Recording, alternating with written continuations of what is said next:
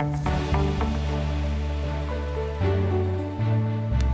og velkommen til Pengetreet. Det er Nordeas podkast om sparing og privatøkonomi. Denne episoden er en del av en serie podkaster som tar for seg ulike tema innenfor bolig.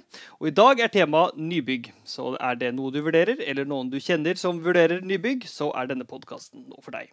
Vi har med oss nybyggekspert hos privatmegleren Yngve Fløysland. Velkommen.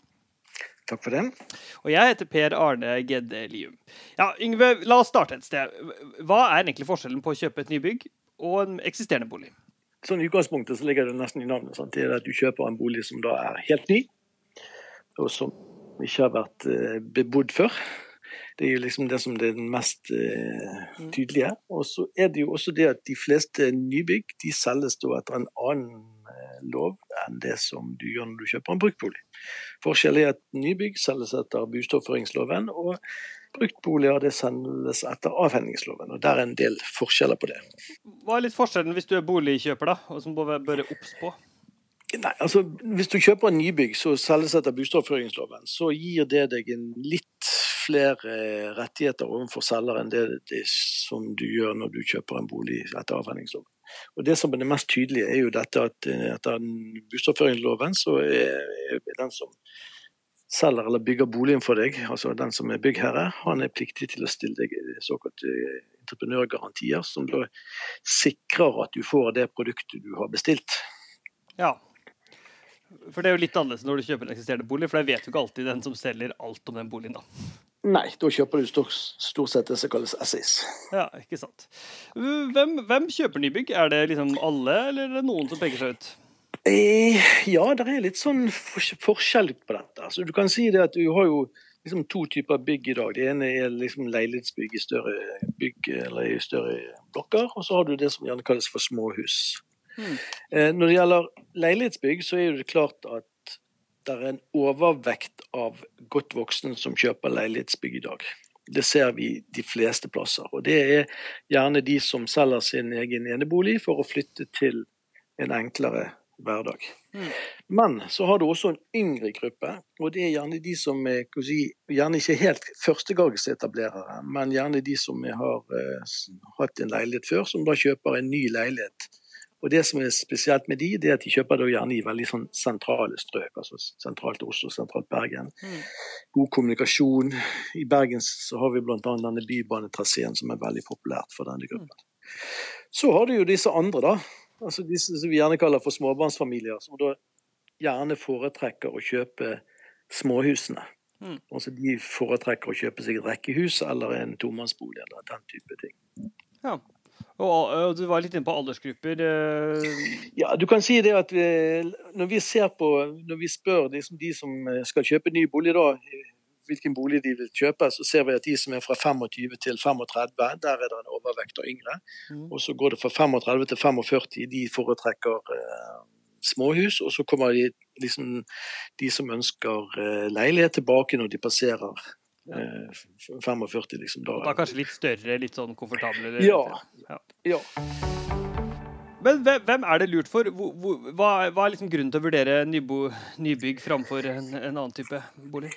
Eh, nei, altså det, Hovedgrunnen til å kjøpe nybygg er jo det at du, eh, du får noe som er helt uh, moderne i dag. altså Ikke bare moderne, men det tilfredsstiller absolutt alle krav til da, tekniske løsninger, mm. energikrav, uh, miljøvennlige krav, alle sånne ting er på plass. Sant? Byggene er stort sett bygget etter de siste tekniske standardene som finnes. Eh, og så er det jo så klart det at det har jo veldig mye å si for folk også eh, dette med vedlikeholdskostnader. Sant? Det er klart En ny bolig vil automatisk ha lavere vedlikeholdskostnader enn det hvis du kjøper en eldre bolig. Så det, er, ofte, det, er ofte litt kostbart å kjøpe nytt, men du, du sparer igjen en del, for du slipper jo en del av de vedlikeholdstingene de neste ti årene, kanskje? Ja, det gjør du.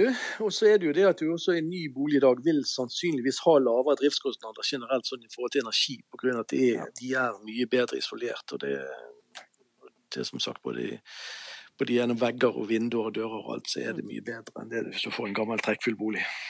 Er det noe spesielt du bør tenke på når du vurderer et nybygg? nybygg? Ja, så Det som jeg syns folk er litt for lite flinke til, er jo det at eh, man kjøper nybygg uten egentlig å sjekke hvem som egentlig står bak dette. For du har jo veldig mange kategorier av de som bygger nybygg. Så jeg ville, Hvis jeg var, skulle kjøpt nybygg selv i dag, så hadde jeg første jeg hadde sjekket ut, var hvem, hvem er egentlig denne utbyggeren som står bak. Sant? For det er jo ikke megleren som, som bygger dette, det er stort sett et firma bak det. Så det kan alltid være lurt å sjekke ut dette firmaet for å se har de bygget masse før. finnes det noe negative saker på de, der har det vært mye reklamasjoner som har kommet frem i media og sånne ting. Sånn. Så det er alltid lurt å sjekke ut hvem den utbyggeren er. Mm. Uh, ja, for det er vel kanskje litt sånn hvis det er et lite firma, hvis det går konkurs, så står det vel kanskje litt svakere med tanke på garantier og sånn også, eller? Ja, nå er det jo sånn at disse garantiene som jeg, som jeg nevnte i sted, skal jo være stilt uansett hva som utbygger det. Så i teorien så skal jo da denne oppførelsesgarantien gjelde mm. sånn at du iallfall får levert bygget. Men igjen, Eh, hvis du tenker sånn, så har man jo i, Når man kjøper nybygg, så har man en reklamasjonsrett for, for, for produktet du har kjøpt i inntil fem år. Mm. Og det er klart, da er det, da er det, jo litt viktig at denne utbyggeren også eksisterer liksom etter at mm. eh, eh dette, at du har overtatt dette. Mm. Og så er det en annen ting også som, som du bør være obs på. Sant? Det er jo det at når du kjøper eh, spesielt fra mindre utbyggere, så blir disse firmaene også ofte sånn one uh, single purpose-selskap uh, som har laget. Sant? Så det er viktig at du ser at, det, at selv om det er et single purpose-selskap, at det i hvert fall står en stor, seriøs aktør bak dette som vil finnes som en tidligere. Ja.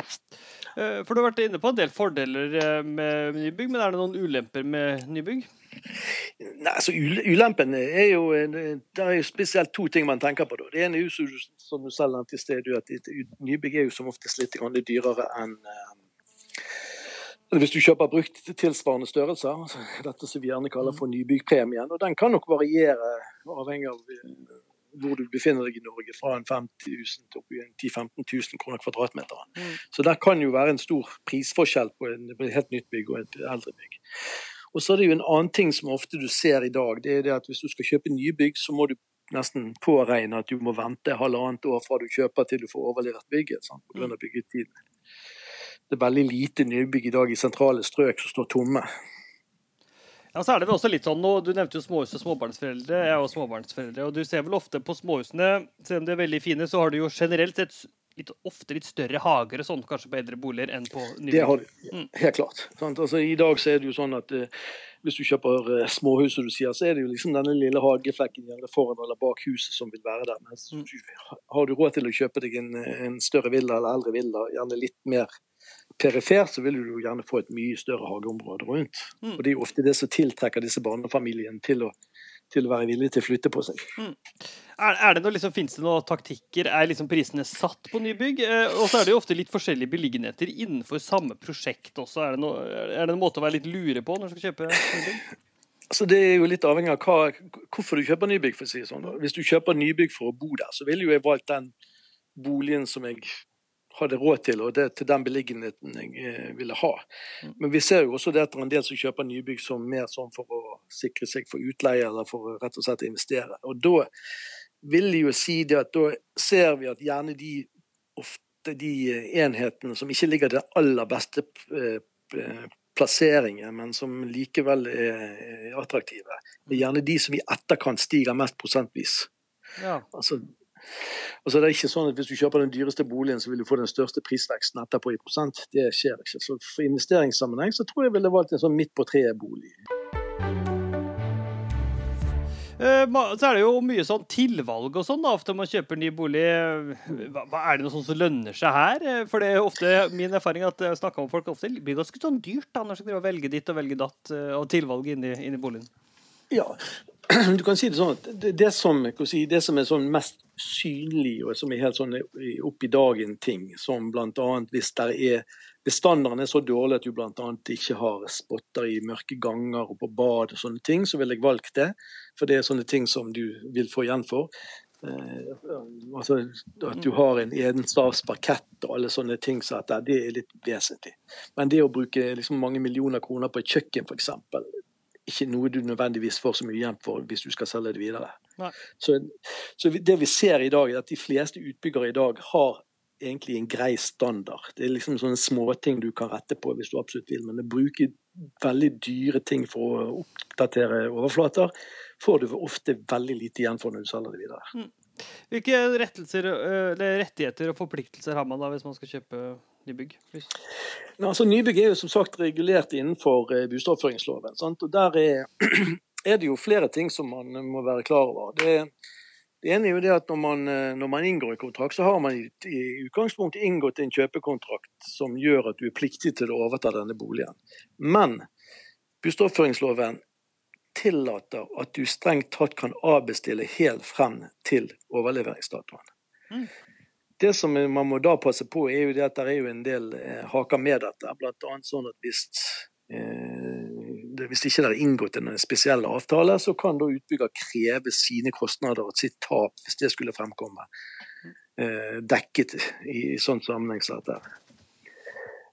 Det er vel det som er si, ting, ting, må man passe på. Men det er ikke sånn at hvis du har kjøpt boligen, så er du stuck med den for evig og alltid. Og sånn som boligmarkedet har vært i dag, så er det jo sånn at veldig mange har kjøpt en bolig, og så velger de av en eller annen grunn å, å ikke stå ved salget. Så eventuelt selger de videre kontrakten sin. Mm. Og, og, på den måten også kan komme ut av det, men også faktisk kan tjene penger på det. Men det er jo ikke primært det man bør gjøre, men det er iallfall en exit-mulighet. Ja, det er en risiko knyttet til det, da, men det, det går ja. an. Ja. Og så er det jo dette at man være obs på dette her, som, eh, altså disse reklamasjonsreglene som man har ved kjøp av ny bolig. Der er det jo sånn at De fleste utbyggere der, de opererer jo med en såkalt overlevering, og så har de også en ettårsbefaring et år etterpå, hvor man igjen går gjennom boligen for å se om det har oppstått noen problemer. Mm. Eh, og Der pleier det å være sånn at utbyggerne da tar med seg og retter det som finnes der. Men så er det jo da i bustadoppføringsloven en reklamasjonsregel som sier at du innen fem år kan reklamere på skjulte feil og mangler. Mm. Det man må være obs på der, er jo det at det er ikke sånn at du kan sitte og vente til liksom fire år og elleve måneder før man reklamerer på ting, og så samle opp en hel haug. Altså, du er pliktig til å gi beskjed innen rimelig tid hmm. fra du oppdaget dette, eller, eller hadde, burde oppdaget denne feilen før du reklamerer. Og sånn Domsmessig så er vel det et par måneder du har på deg fra, fra du oppdager det til du må ha sendt inn en reklamasjon. Takk skal du ha, Yngve. Mm, bare hyggelig. Og tusen takk til deg som hørte på. Hvis det er noe du lurer på, ta gjerne kontakt med oss i Nordea eller Privatmegleren, og så hjelper vi deg med det aller meste. Og velkommen tilbake til Pengetreet ved en senere anledning.